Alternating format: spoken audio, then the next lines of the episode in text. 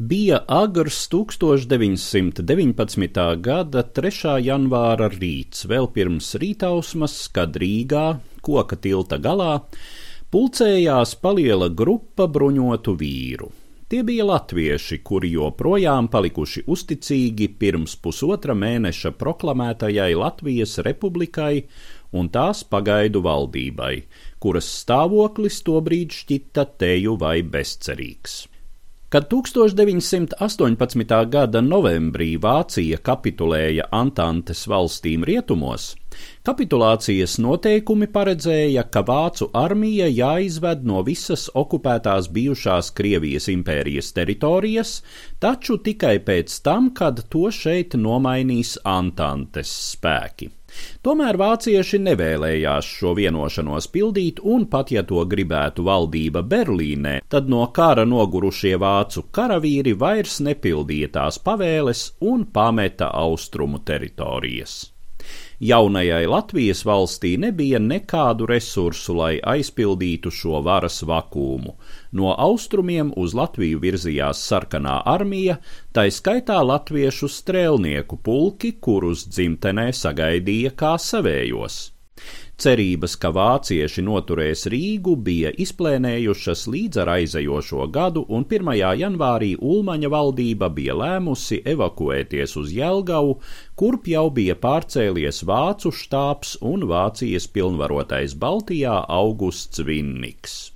Tikko veidot sāktie jaunās valsts bruņotie spēki šajā nenoteiktajā situācijā sāka irt Nesen mobilizētie lielā skaitā dezertēja, lai pievienotos sarkanajiem vai vienkārši atgrieztos mājās. Atlikušos ap savu cēsu brīvprātīgo rotu bija sapulcinājis pulkveža leitnants Kalpaks, un tagad viņi kā pēdējie atkāpās uz rietumiem.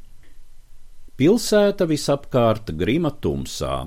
Pa brīdim skanēja šāvieni, dažas lodes aizspindza diezgan tuvu, Kas bija šāvēji? Varbūt lielinieku aģitācijas sakūdītie, bet drīzāk gan vienkārši attiecīga kontingenta ļaudis, kuri bija tikuši pie ieročiem un izmantoja brīdi, kad viena vara jau bija prom, bet cita vēl nebija ieradusies. Un tikt pie ieročiem pēc divu impēriju armiju sabrukuma Rīgā toreiz bija visai viegli. Jebkurā gadījumā tie, kas tagad Rīgā šaudījās, bija šīs nelielās latviešu vienības karavīru nākamie līdzpilsoņi.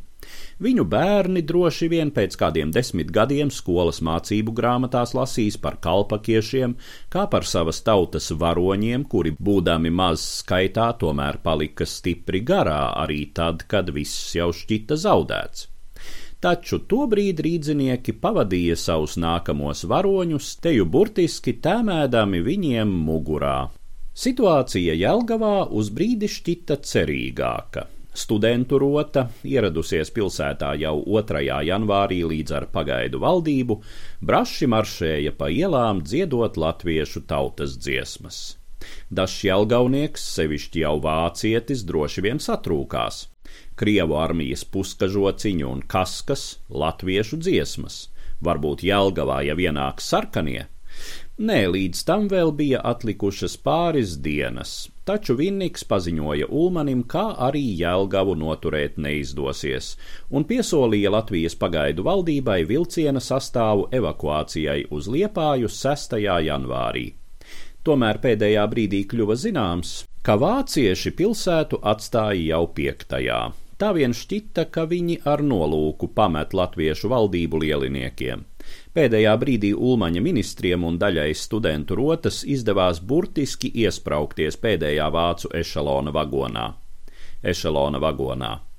Tomēr pulkvežlēs tik, tikmēr pulkvežleitnants Kalpaks no pārējiem Tikmēr pulkvežleitnants Oskars Kalpaks 1919. gada 5.